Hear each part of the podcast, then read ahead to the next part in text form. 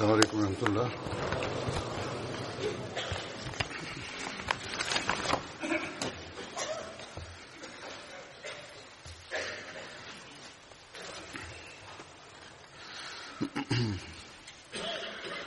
أشهد أن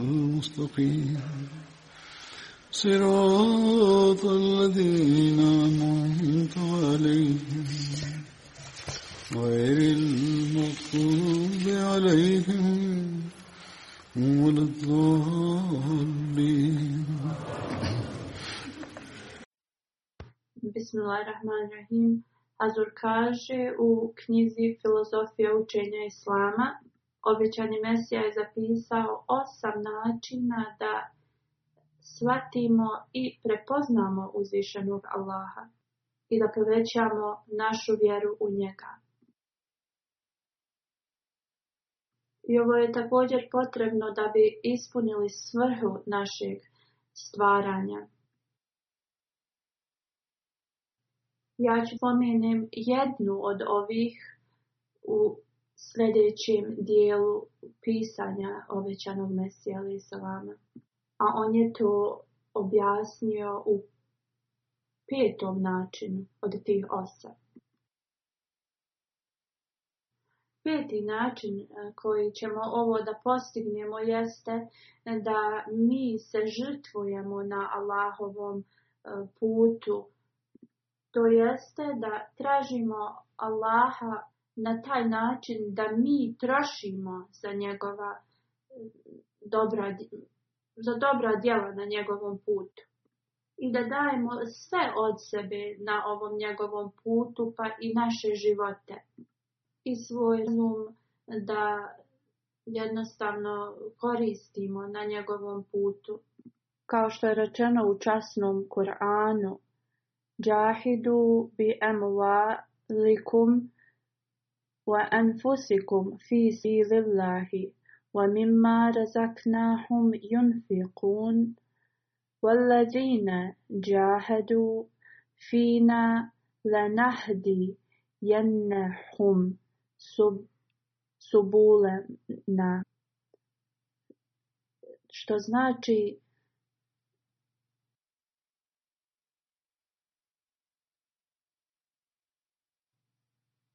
Trudite se na njegovom putu i ulažite svoj imetak i svoje živote i sve što imate i što smo god vam mi dali.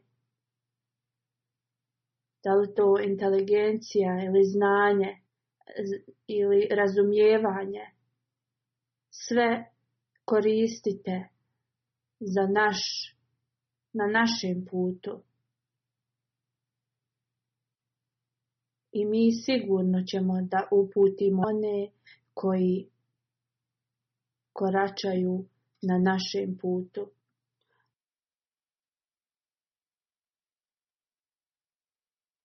Onda obećani Mesija spominje jedan način na koji mi možemo da pridobimo ljubav uzvišenog Allaha.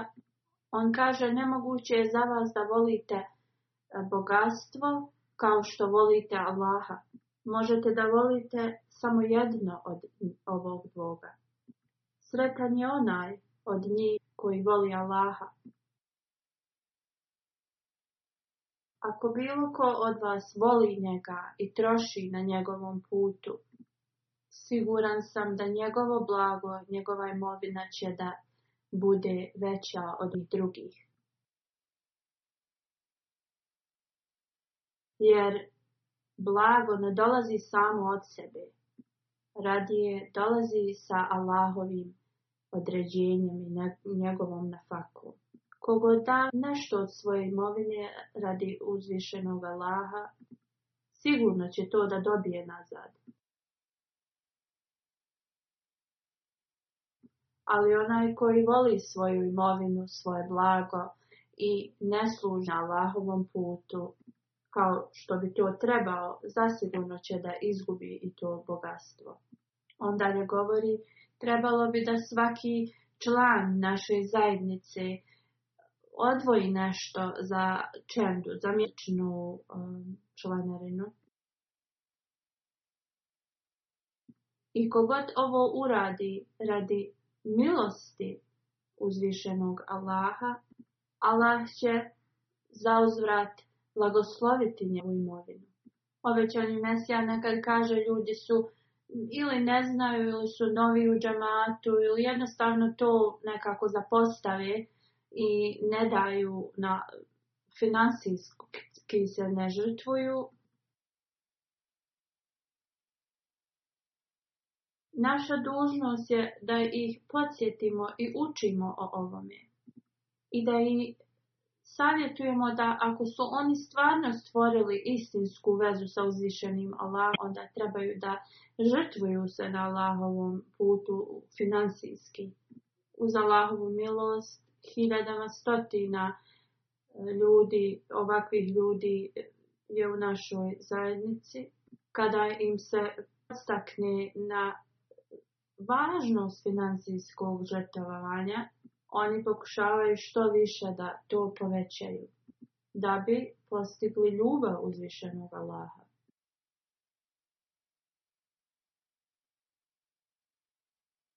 Azur kaže, ovo je također razlog zašto ja uvijek govorim ljudima koji su članovi odbora da postiču ove nove članove u, u Ahmedi muslimane da trebaju da učestvuju u financijskoj žrtvovanju.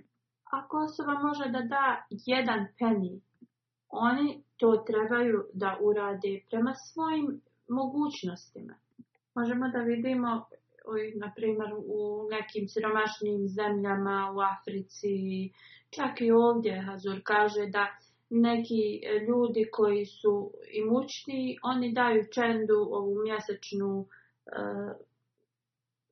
mjesečnu članarinu za svoje rođake ili porodicu.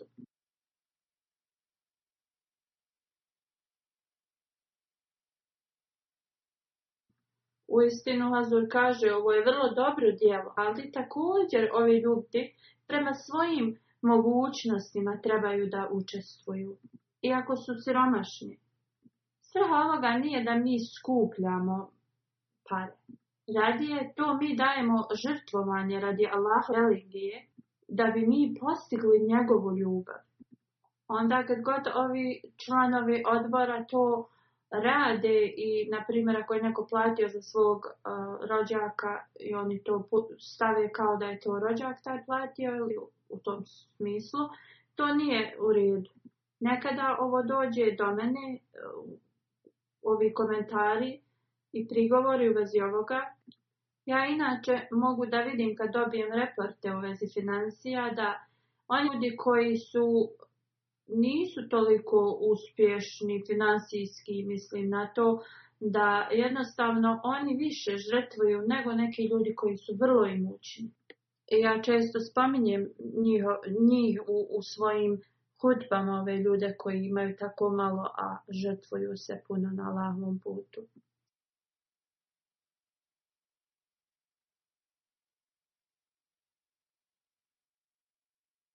Hazur kaže osoba kad je bogata i kad djeljuje, to, to za njih e, skoro da nije nikakvo žrtvovanje na način na koji udjeljuju, ali na primjer možemo da vidimo neke ljude koji stvarno nemaju nešto puno da, da udjele, ali oni se toliko žrtvuju samo da bi postigli Allahovu ljubav. I ovo je vrlo, vrlo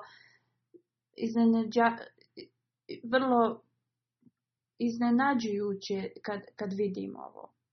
Mi imamo te primjere takvog e, načina u vrijeme časno u vrijeme e, obećanog Mesija ali vama, Jednom obećani Mesija je, njemu je trebalo e, neki iznos novca da objavi knjigu. Kad je ova osoba dobio, dobio naređenje da u njegovom džamatu prikupi te neki, neki iznos. On, iako nije bio puno bogat, on je dao taj sav iznos i nije rekao džematlijama da on skuplja za to. U svakom slučaju kad je on to dao, to jednostavno su mislili da je to taj džamat prikupio, ali nekada neko vrijeme poslije obećani Mesija je sreo jednog džamatliju iz tog grada i kao, je kao kako su oni pomogli kad je tada njemu bila potreba da on e, izda tu knjigu. Taj čovjek jednostavno nije znao o čemu se radi to i e, kad poslije se to sve obznanilo, onda je e, bilo rečeno da je taj munši Safer Ahmed Zahid dao sve iz od sebe i onda su te džematlije, oni su bili nezadovoljni kao zašto njima to nije također bila data prilika da i oni na Allahovom putu učestvuju. Taj monši Zafer Ahmed zaib on je prodao e, neki nakid od svoje žene da bi to mogao da, e, da ispuni, a ovaj drugi monši Zafera, ja mislim da se tako zvao, on, je bio, on se bio dugo vremena kao ljut na njega zato što nje, jednostavno on nije rekao svima tu da obećani Mesija skuplja za ovu knjigu.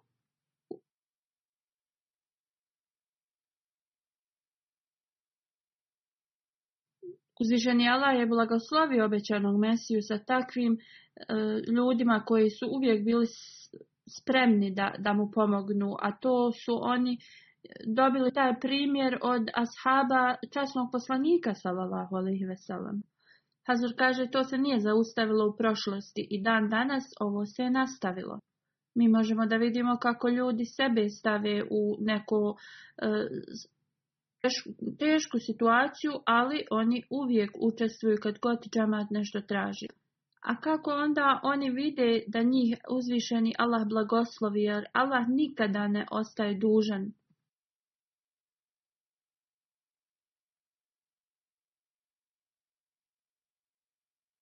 Hazur kaže, sada ću da spomenem neke događaje u vezi ovoga. E, danas najavljujem novu godinu za Vakfe i ovo, ovi svi komentari i događaje će biti e, povezani u vezi e, Vakfe Jadid lokalni misionar iz Gambije piše, on piše da novi Ahmedi član Abdullah Jahu Saheb koji živi u nekom selu blizu tu, on je prikupio svoje usjeve, kukuruz i još nešto, ali u zadnje nekolike godine uopšte mu nije dobro uspjevalo. On je ove godine prodao jedan usjev, sve što je znači e, prikupio ubro i to je sve dao za svoj vakfe džedid. Nadajući se da uzvišeni Allah mu blagoslovi njegovu farmu i uzgoj. On kaže, rezultat ovog njegovog davanja na Allahovom putu, uzvišeni Allah je toliko blagoslovio da je on tri puta više imao e, tih usjeva. I poslije toga on je još dao hiljadu dalasi njihove valute za vakfe Onda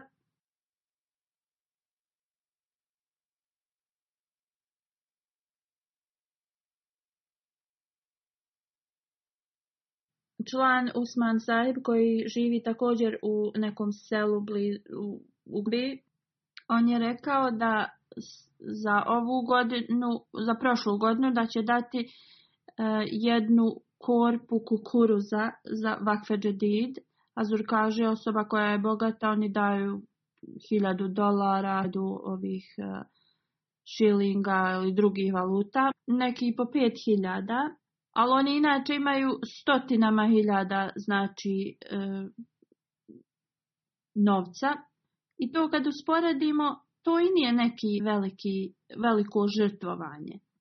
Ali ovi ljudi koji žive od tih e, kukuruza i, i, i drugih žitarica, to je veliko žrtvovanje za njih. Za nas koji živimo u gradovima i koji smo imućni, to nije ništa, ali za njih je veliko žrtvovanje. On kaže, iako prije na godinu samo je imao 12 vreća kukuruza i bilo mu je vrlo teško da se prehrani s tim, on je ispunio svoje obećanje i dao je tu korpu kukuruza. On kaže, rezultat toga je bio da ove godine je imao 30 vreća kukuruza i još 15 vreća neke druge žitarice. Kao što možemo da vidimo, i malo žrtvovanje iskreno je prihvaćeno od uzvišenog Allaha i on to vrati struko više. I ovako oni jednostavno povećaju svoju vjeru prema uzvišenom Allahu. Još jedan primjer gdje možemo da vidimo blagoslove Allaha uzvišenog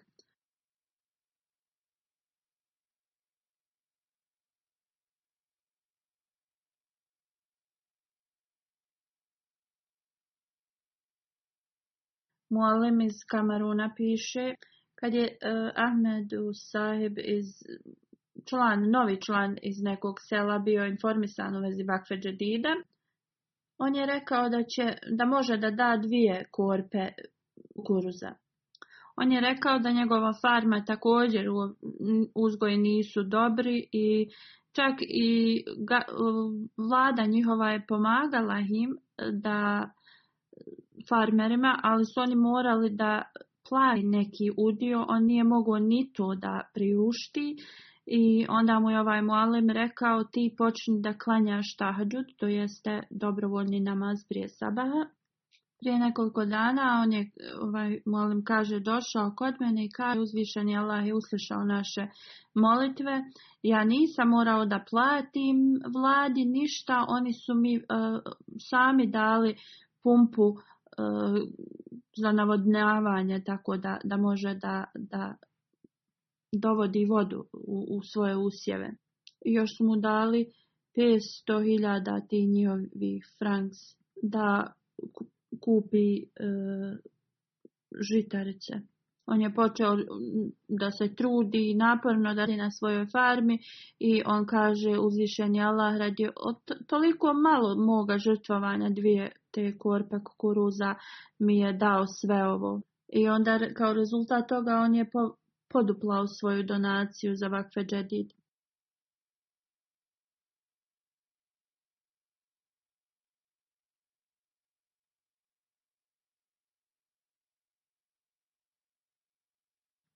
Drugi misionar piše u vezi bračnog eh, para koji su eh, žive jedinstven, život e, nemaju baš nešto mnogo, ali oni uvijek žive na nekom otoku, oni uvijek, znači svaki mjesec odvoje u jednu kutiju u koju odvoje za članarinu, za donacije, za neku dobrobitnu e, projekat u džamatu i nekad misionari ne dođu tu u njihovo mjesto i nakon godinu dana i kad je misija došao oni su, oni su prilično dosta prikupili za tu cijelu godinu i oni su mu rekli mi znamo da mi ovo radimo, ali uzvišenja dosta više.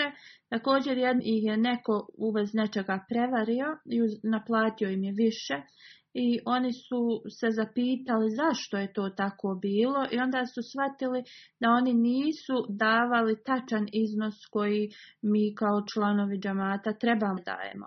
I otac su uvijek e, pravilno odvajali svoje zarade i, i to im je našto bilo što su obavezno radili.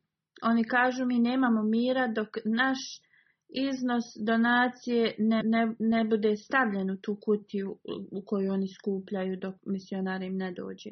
Ovo je još jedan primjer kako uzvišeni Allah reformiše ljude preko nekih i gubitaka.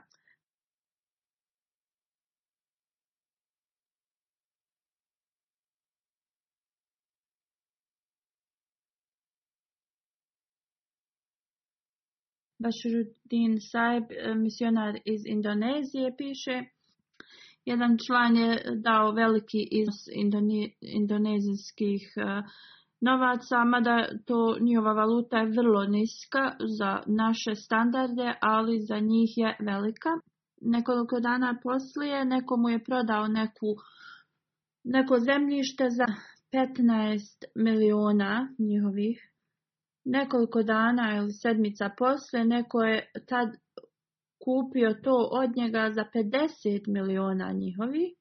On piše da on čvrsto vjeruje da, da njegova zarada od 35 miliona njihovih um, novca zarade kad je prodao to zemljište je samo radi toga što je on, ja mislim da je dao pola miliona e, za njihovih novaca za vakfe ovo svjetska osoba bi rekla da je ovo ova zarada došla njihovom inteligencijom i tako dalje e, jer su uspješni u biznisu, ali osoba koja voli Allaha i koja je predana uzvinom Allahu pravi vjernik će uvijek da kaže da je ovo bio blagoslov uzvišenog Allaha.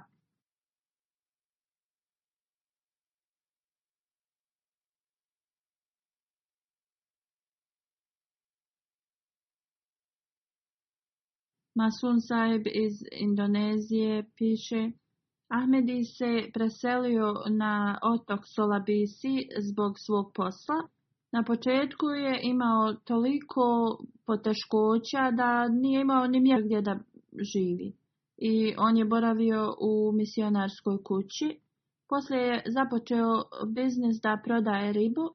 On se trudio i iako nije zarađivao puno, on je redovno davao e, za svoju čendu i za bilo šta što je bilo, bilo potrebno u džamatu. Poslije nekoliko vremena njegovo stanje se poboljšalo. Trenutno e, on najviše daje u njegovom mjestu za vakfeđedid i također on je musi. Prema njemu sve ovi blagoslovi su radi njegovog financijskog žrtvovanja. Abdurrahman Sahib iz Gambije, on kaže imao je dosta poteškoća da plaća za školu za svoju djecu. On kaže ja sam kontaktirao svog misionara i on mi je savjetovao da da da udjelim nešto na Allahovom putu i da će Allah e, da se pobrine za ostalo. Onda je on donirao 250 dalasis e, za vakfe džedid. On kaže samo 5 dana poslije Zaposlio se i našao je posao koji je iznosio, zarada je bila 5.000 hiljada I tako ima dovoljno i da plaća za dječju školu i sve ostale potrebe. I sada on uvijek govori drugima u vezi ovoga kako ga je blagoslovio. Ne samo da je ovo učvrstilo njegovu vjeru, ali tako je povećalo njegovu imovinu.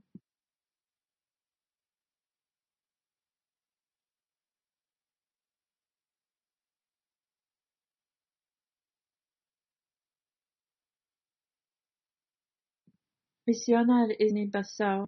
On piše član koji se zvao Montero Kamara Saib. Oni su ga podsjetili u njegovog e, e, obećanja koji je dao prije godinu dana za Vakfe Džedid. On je rekao imam 4000 tih njihovih franaka i to je za moju hranu danas. Ovo je vrlo mali iznos i također oni imaju velike porodice da, da hrane. On je rekao da će pokušati da nešto nađe. Posle nekoliko vremena on je donio te četiri hiljade koje je ostavio za hranu i dao je za Vakve džedid. I uzajmio je pare da, da jedi, od nekoga je uzajmio. On kaže sljedeći dan njegova kćerka ga je poslala, ona živi u gradu. Ona je donijela dvije vreće riže, i još nekih drugih e, artikala i također je donijela i e, neke novca njemu.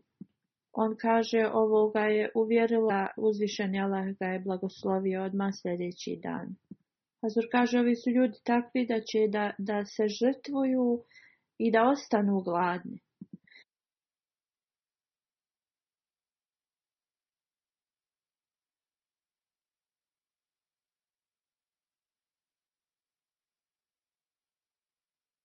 Emir iz Francuske je napisao sljedeće. Jedan član koji je porijeklom Arab kaže da je slušao hudbu prošle godine gdje je Hazur govorio u vezi financijskog žrtvovanja.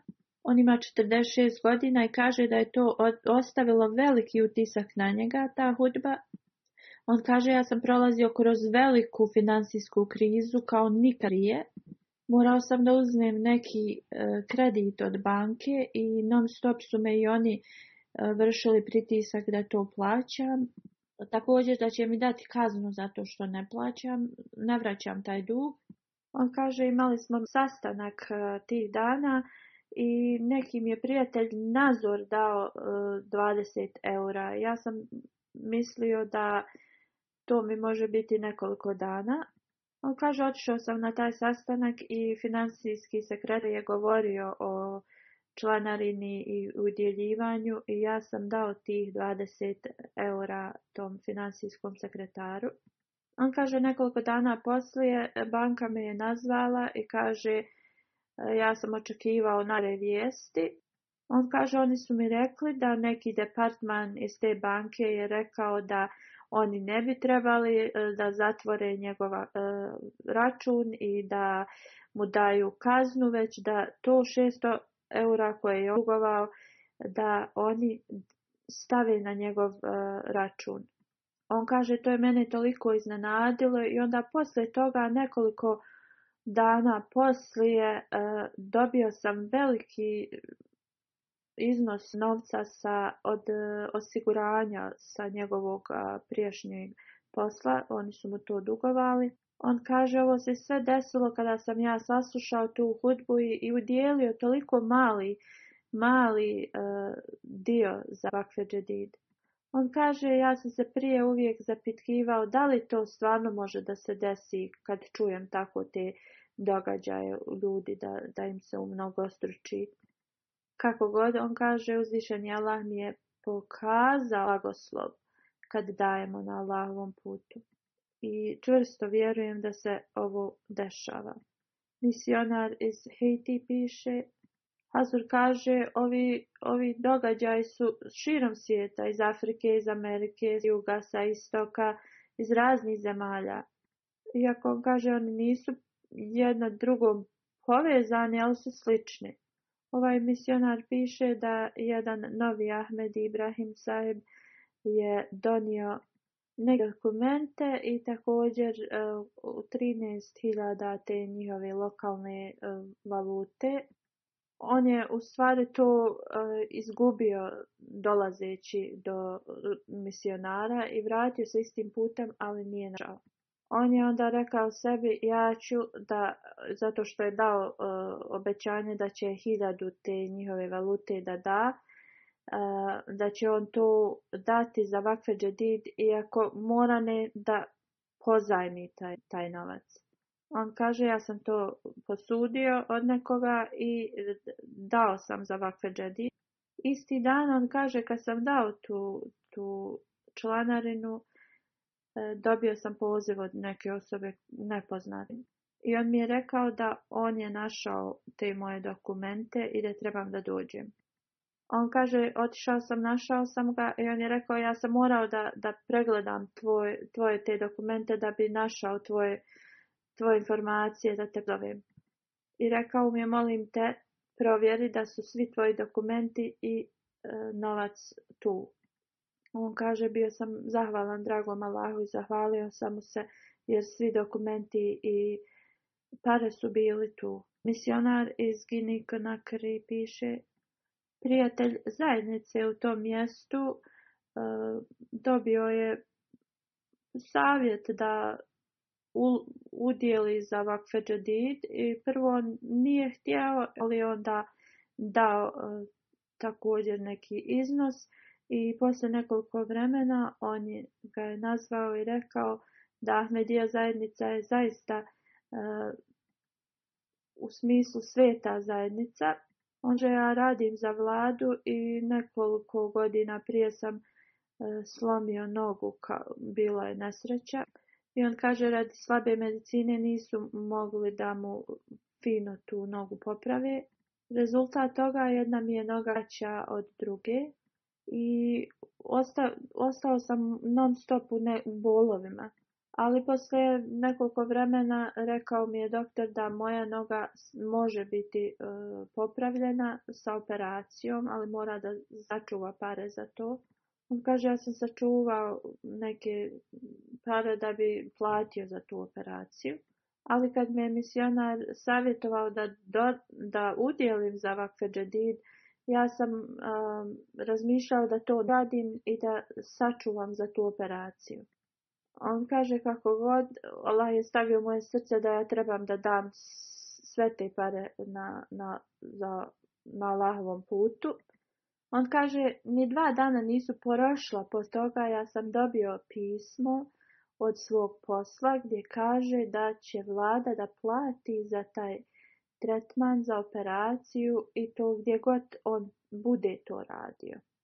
I on kaže ovo se samo desilo iz, radi blagoslova da, da dajemo na Allahovom putu i u obliku sadake. I ovo je kako uzvišeni Allah se ponaša prema onima koji stave svo svoju vjeru u njega.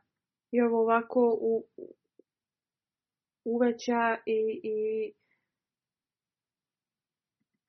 popravi njihovu vjeru, ali također im pokaže istinitost obećanog Mesija Alejsala.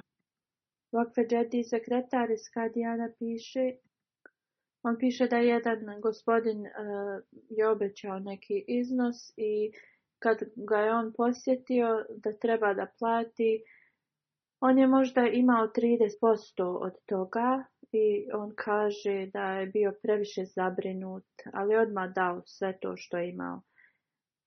Skoro pa odma neki, su, neki je novac legao na njegov račun i koji je iznosio isto što je on trebao da, da plati taj, to svoje obećanje za vakfe džedid, što je on odma to uradio. On kaže njegova praksa je bila da uvijek šta obeća ne čeka do kraja godine da plati, to je plaća redovno, ali ove godine imao je nekih problema financijskih i, i zdravstvenih, tako da nije mogao.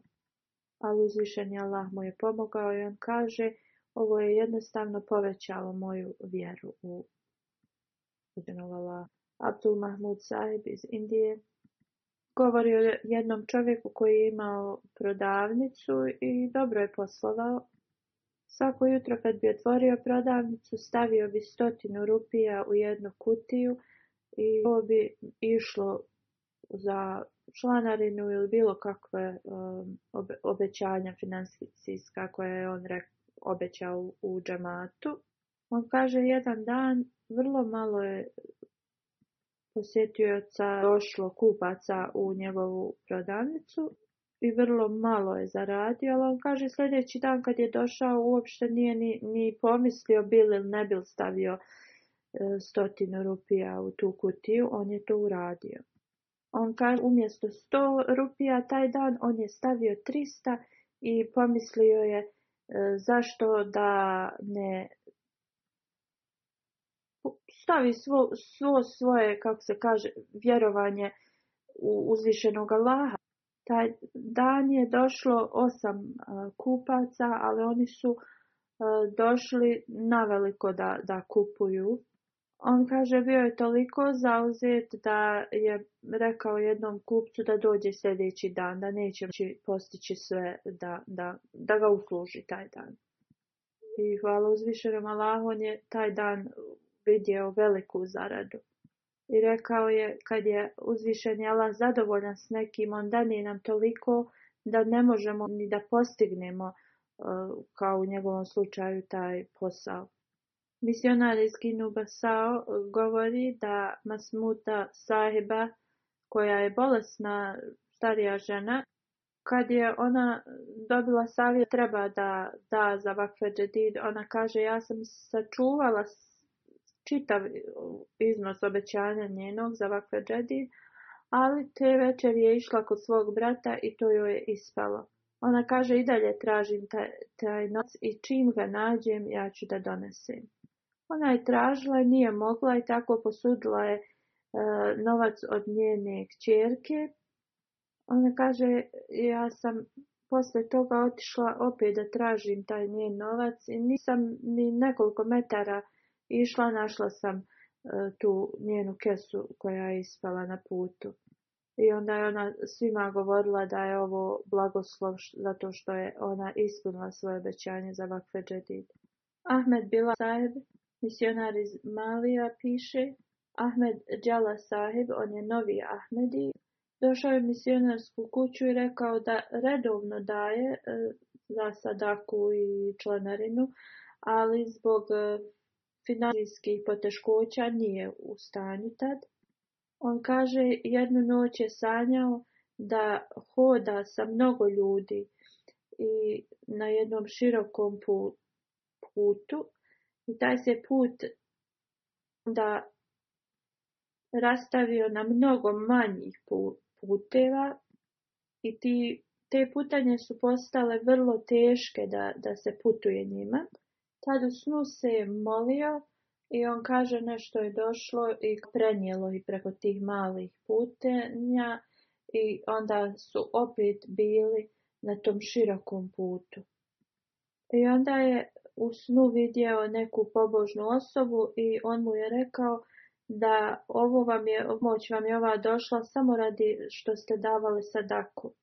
On kaže, poteškoće neka dođu, ali uzvišeni Allah dodijeli lahkoće svima onima, svakom Ahmedi koji udjeljuju na Allahovom putu. I on je tada dao koliko je mogao i rekao, obećao je sam sebi da nikada neće, znači da to zapostavi. Emir sahib eh, od Tanzanije piše, on kad sam u jedan region, E, gdje je on i ja sam tu savjetovala ljude da e, povećaju davanje na Allahovom putu. Fatima sajba koja e, zarađuje prodavajući voće i dane, ona je dala svoje zarade, dva dana svoje zarade za Vakfa i također je podstakla svoju porodicu da redovno daju za Vakfa Također još jedna starica iz džemata e, je dobila savjet jednostavno da treba da da donacije. Sljedeće jutro u 8 izutra ona je došla u misionarsku kuću i dala je 5000 šilinga. Ovo su ljudi u vezi kojih je obećani Mesija Ali Salam rekao da osoba ostaje zaprepaštena e, načinom na koji se ovi ljudi žrtvojuju i ako im se da savjet da to rade, oni su odmah spremni da urade to. Emir Sahib iz Tanzanije dalje piše, u zadnjih nekoliko godina ekonomija u zemlji je vrlo teška, ali unatoč tome i muslimani se želju sa velikom iskrenošću i, i željom za tim. Jedan čovjek iz tog regiona, on prodaje novine on je dao koliko je mogao, ali rekao je mm, buduće, ja svaki dan kupim e, čašu čaja i ja to više neću raditi, to ću ostavljati za e, vakfe džedide. Možete da vidite ova sromašna osoba, znači odustoje od, svog čaja dnevnog da bi on uložio. I učavao i da da taj novac za sadaku. Ovo je istinski kako ćemo dobiti blizinu uzvišenog Allaha. Emir Sahib iz Tanzanije još piše da je jedan vrlo mlad član džemata. On inače uvijek isplati svoje obećanje za Vafedžedid prije nego što se godina završi, ali radi ekonomske krize ovaj put 15.000 nije imao. On je imao sasvim nešto malo novca, što nije bilo dovoljno da preživi do kraja mjeseca, ali on je stavio svoju vjeru potpunu uzvišenog Allaha i to je dodijelio. On kaže sljedeći dan s njegovog posla, ljudi su koje nazvali i e, ne dugove koje je on imao, to je sve bilo isplaćeno i rekli su mu također da od početka nove godine on će dobiti veliku povišicu. Ovo je povećalo njegovo vjerovanje uzvišenog Allaha jer šest veću sumu novca je dobio nego što je dao. Misionar iz Burkina Faso piše, jedan član džemata tu, on kaže kako je počeo da redovno daje za članarinu i razne e, projekte u džematu.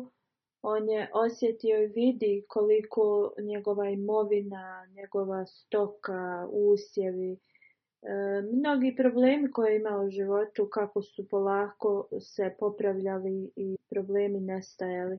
On kaže samo prije mjesec dana on e, njegova supruga se trebala da porodi i on nije imao dovoljno novca da plati e, bolnicu, ali uzvišen je neko to njemu dobio nekli taj novac i njegova kćerka se rodila i također njegova supruga se oporavljala dobro.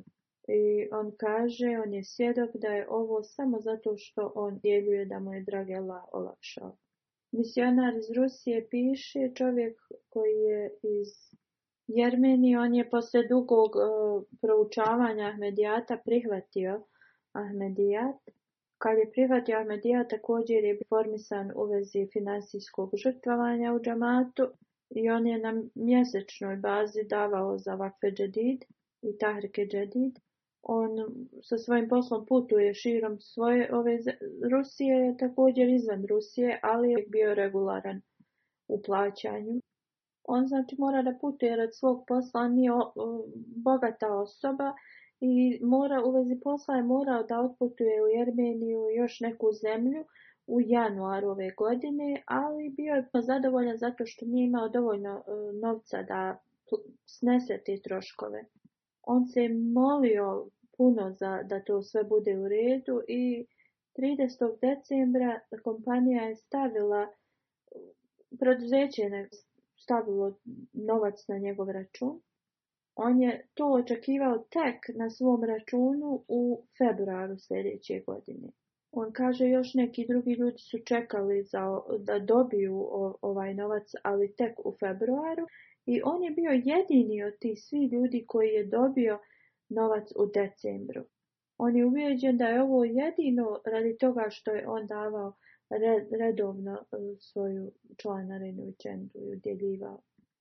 Jer u drugom smislu je nezamislivo da od toliko ljudi on on je jedini koji je dobio to 30. decembra.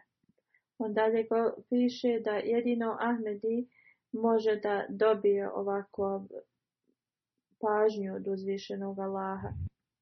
Misionar iz Ivory Costa piše, on kaže 2014. mali džemac je započeo u jednom malom selu, oko 20 članova u tom selu je bio jedan e, član koji je iz Burkina Faso i on je bio vrlo aktivan, ali je odselio u Burkina Faso i bili su zabrinuti da ovi ljudi neće nastaviti da budu aktivni i da slijede e, vjeru.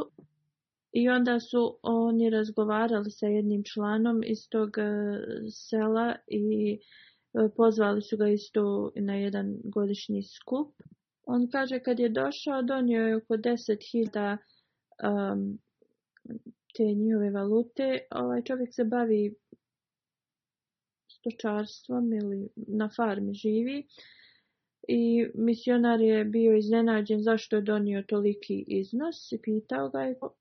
On kaže ja od kako sam počeo da udjeljujem za članarinu i razne sadake, uzvišenja lahme me je toliko blagoslovio da moja farma uvijek ima najviše usjeva i životinja. On kaže, ne da sam sanjao neku kao pobožnu osobu koji je imao, njegovo lice je sijalo i on je zvao ljude na pravi put. Ovo je, on kaže, ovo je bio obećani mesija Lisa koji je zvao ljude i davao im uputu. On kaže sva hvala pripada uzvišenom Allahu koji mi je dao dozvolu da se pridružim Ahmedija zajednici. I on kaže da on sad na, uvijek redovno daje čendu, to jest članarinu.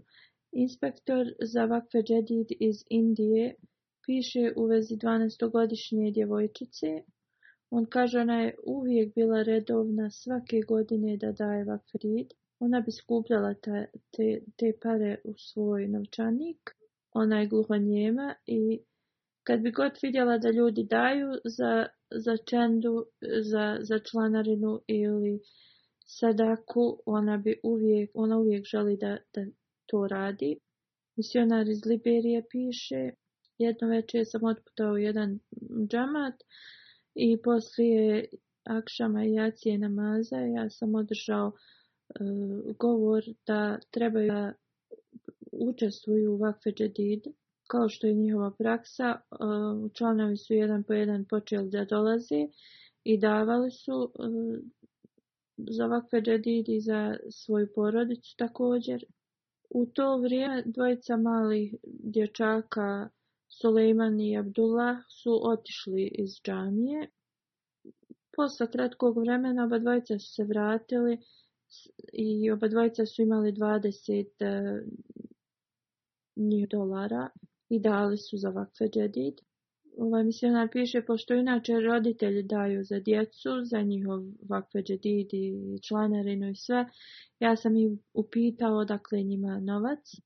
Oni su odgovorili kad su saznali da je halifatul Mesih naredio i da djeca učestvuju u ovome, oni su počeli da skupljaju tako da bi sami platili svoju. Ova djeca žive daleko i vjerojatno nikada nisu ni vidjeli Halifu. Jedino uzvišeni Allah može da stavi ovakvu vezu i, i konekciju i i ljubav prema hilafetu u njihova srca. Hazur kaže da je uzvišeni Allah poveća njihovu lojalnost i iskrenost. Onda da li oni bili stari, mladi, e, da li bili rođeni Ahmedi ili ovi koji su e, prešli na Ahmedijat, oni svi shvataju da postignu pravu ljubav uzvišenog Allaha moraju da udjeljuju na, na njegovom putu. Za neke ljude uzvišenje Allah im pokaže eh, ovaj put, kao što sam spomenuo. Prema hadisu časnog poslanika sallallahu alaihi veselem, oni ljudi koji eh, se žrtvuju financijski na eh, Allahovom putu, za takve ljude trebamo da, da, trebamo da budemo zavisni ili, ili ljubomorni.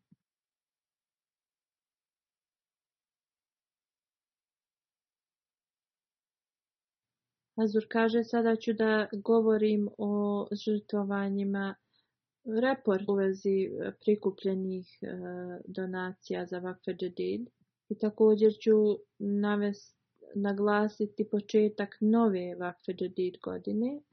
Uz blagoslov uzvišenog Allaha 62. godina Vakfe Džedid se privela kraju 31. decembra i nova godina je započeta.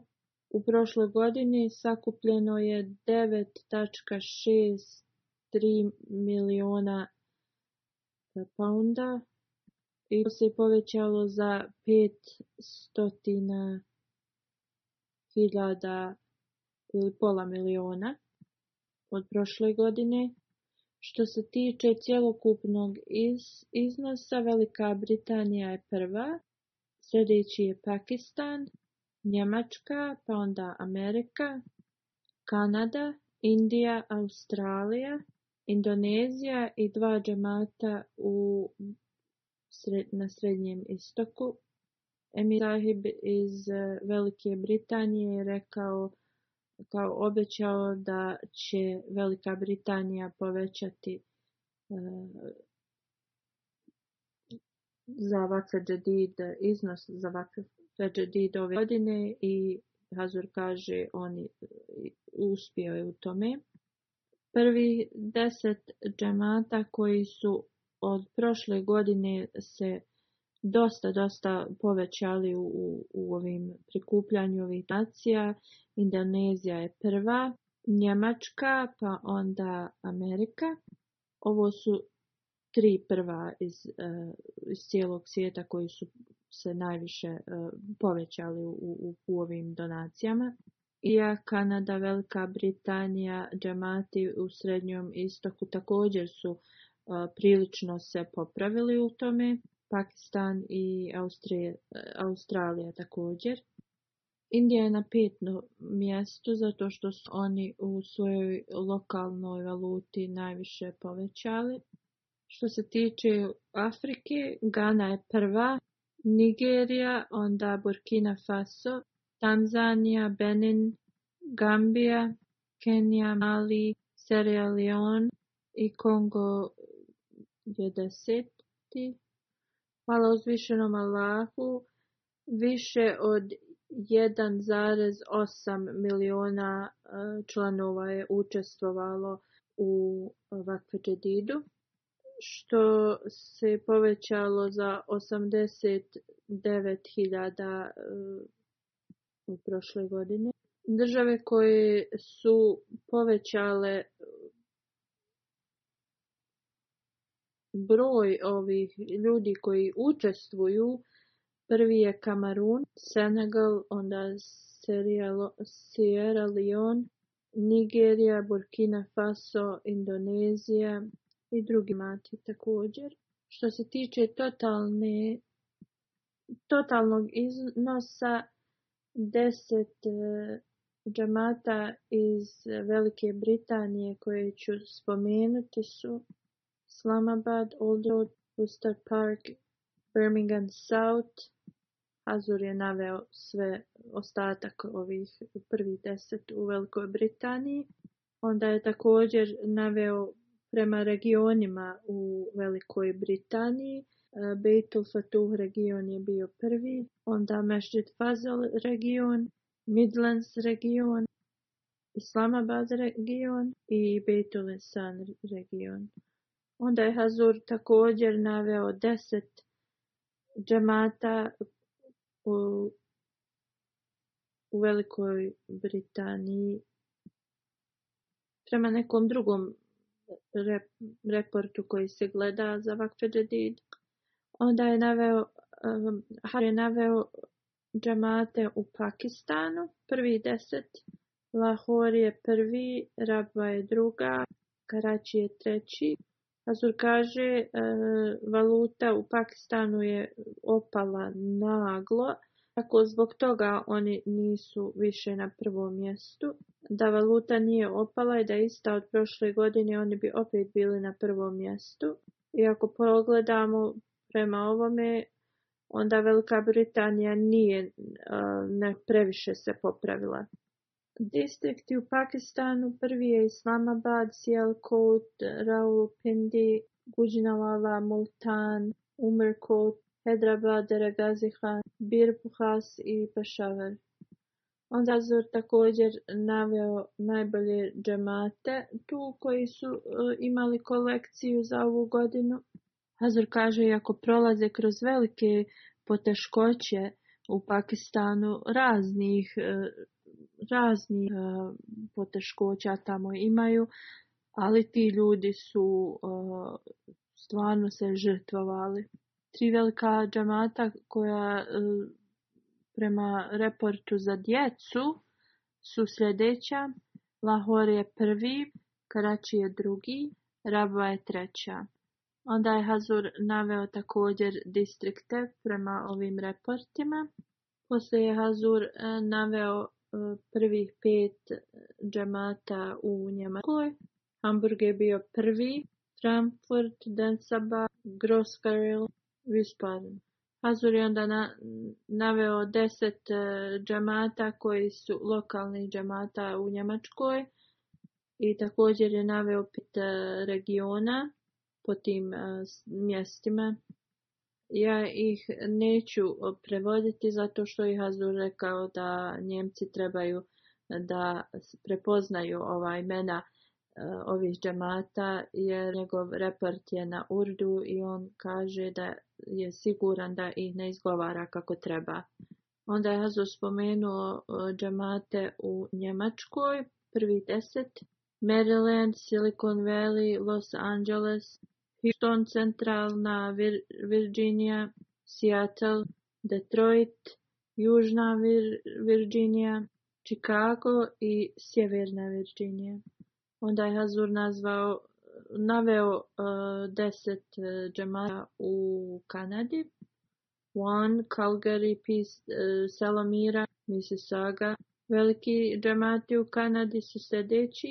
Durham, Redford, Mountain West, Hamilton Mount, Istočna Otova, Zapadna Otova, Erie Drive, Winnipeg and Abbotsford. Pet uh, džemata za djecu, koja, djeca koja su donirala za vakfe džedid su Von, Calgary, Selomira, Zapadni Brant, onda je također još pet e, džamata za dječju kolekciju Hazur Naveo u Kanadi. Poslije e, Hazur naveo provincije u Indiji. Također Hazur je naveo sve e, džemate koji e, su na prvih deset mjesta u Indiji. Također e, dječja e, kocija. Poslije Indije Hazur je naveo prvih deset džemata iz Australije. Također je naveo sve džemate e, za, koji su u kolekciji djeci u Australiji. Hazur je poslije ovih e, džamata također spomenuo da u Australiji imaju veliki požari i da uzvišenje Allah im pomogne da, da se riješe i da svi ljudi tu prepoznaju svoga stvoritelja ali unatoč svemu Ahmedi koji su koji žive tu, oni također udjeljuju e, velikim iznosima. Azur se zamolio i rekao da uzvišeni Allah bloslovi i metak i porodice svih onih koji e, se žrtvuju u širom svijeta. Kao što sam spomenuo ranije, ekonomsko stanje u Pakistanu se pogoršava. Rezultat toga njihova valuta je opala puno i zbog toga oni nisu na prvom mjestu više, ali unatoč svemu oni i dalje se žrtvuju i, i učestvuju u svim ovim e, projektima. Slično, politička situacija u Pakistanu je vrlo zabrinjavajuća i ovo pomaže toj ekonomskoj krizi. Plus u tom regionu e, situacija između Indije i Pakistana se pogoršava. Prema vijestima, lokalnim vijestima, e, ta situacija je vrlo loša a i širom svijeta, Hazur kaže, možemo da vidimo kada širom svijeta ovaj, ovi ljudi traže svoju, svoje uništenje, sobstveno uništenje. Srednji istok također prolazi kroz opet e, veliku krizu. Postoji mogućnost da se desi rat između Izraela, e, Irana i Amerike. E, Irana protiv Izraela i Amerike ne postoji ujedinjenje muslimanskih zemalja, onda mi moramo da se skrušeno i non stop molimo da uzvišeni Allah sačuva ovaj svijet od katastrofe i da se čovječanstvo okrene prema uzvišenom Allahu da uzvišeni Allah obaspe svoje blagoslove i podari razumijevanje. Inače kad nova godina dođe mi čestitamo je jedni drugima. Kako od crni oblaci se skupljaju oko nas. Tako da bi učinili ovu godinu blagoslovljenom moramo se moliti uzvišenom Allahu.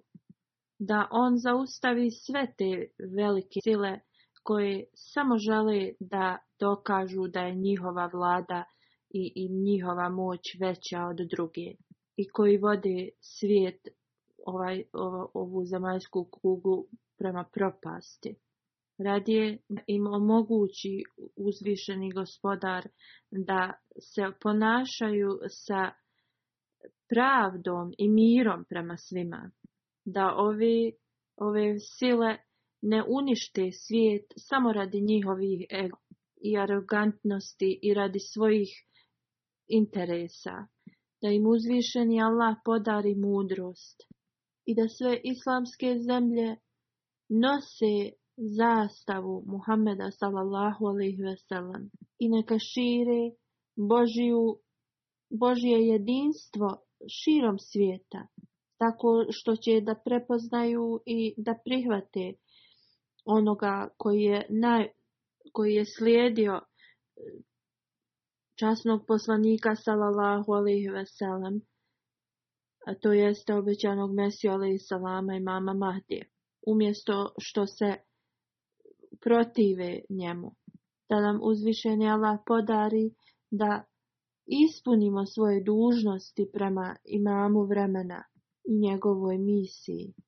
i da mi nosimo tu zastavu jedinstva u cijelom svijetu i da mi dovedemo sve druge pod zastavu časnog poslanika sallallahu alaihi veselam i da mi dajemo sve svoje snage, sve što imamo za ovo. Ako mi ne ispunimo ovo što sam naveo, a da jednostavno samo čestitamo jedni drugima na novoj godini je, to su samo prazne riječi i nemaju nikakve svrhe. Ovakve čestitke nemaju nikakvo značenje i onda ove nove načine na koji mi trebamo da, da čestitamo, e, to spušta na nas veliku odgovornost. Da li bila žena, čovjek, dijete, svi Ahmedi moraju da non stop razmišljaju o ovome. Mi moramo da damo sve od sebe da postignemo ove naše ciljeve. Kroz naše dove mi moramo da uspostavimo posebnu vezu sa svojim gospodarom. I jedino tada ćemo da dobijemo blagoslove ove nove godine da nam uzvišeni a pomogne da ovo postignemo.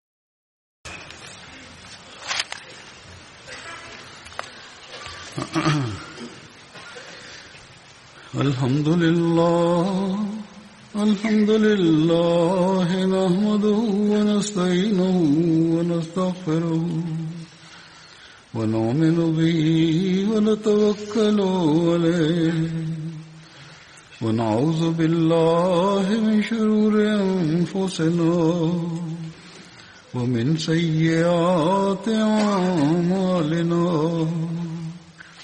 من يهده الله فلا مضل له ومن يضلل فلا هادي له ونشهد ان لا اله الا الله ونشهد ان محمدا عبده ورسوله عباد الله رحمكم الله إن الله يأمر بالعدل واللسان وإيتاء ذي القربى وينهى عن الفحشاء والمنكر والبغي يعظكم لعلكم تذكرون اذكروا الله يذكركم وادعوه يستجب لكم ولذكر الله أكبر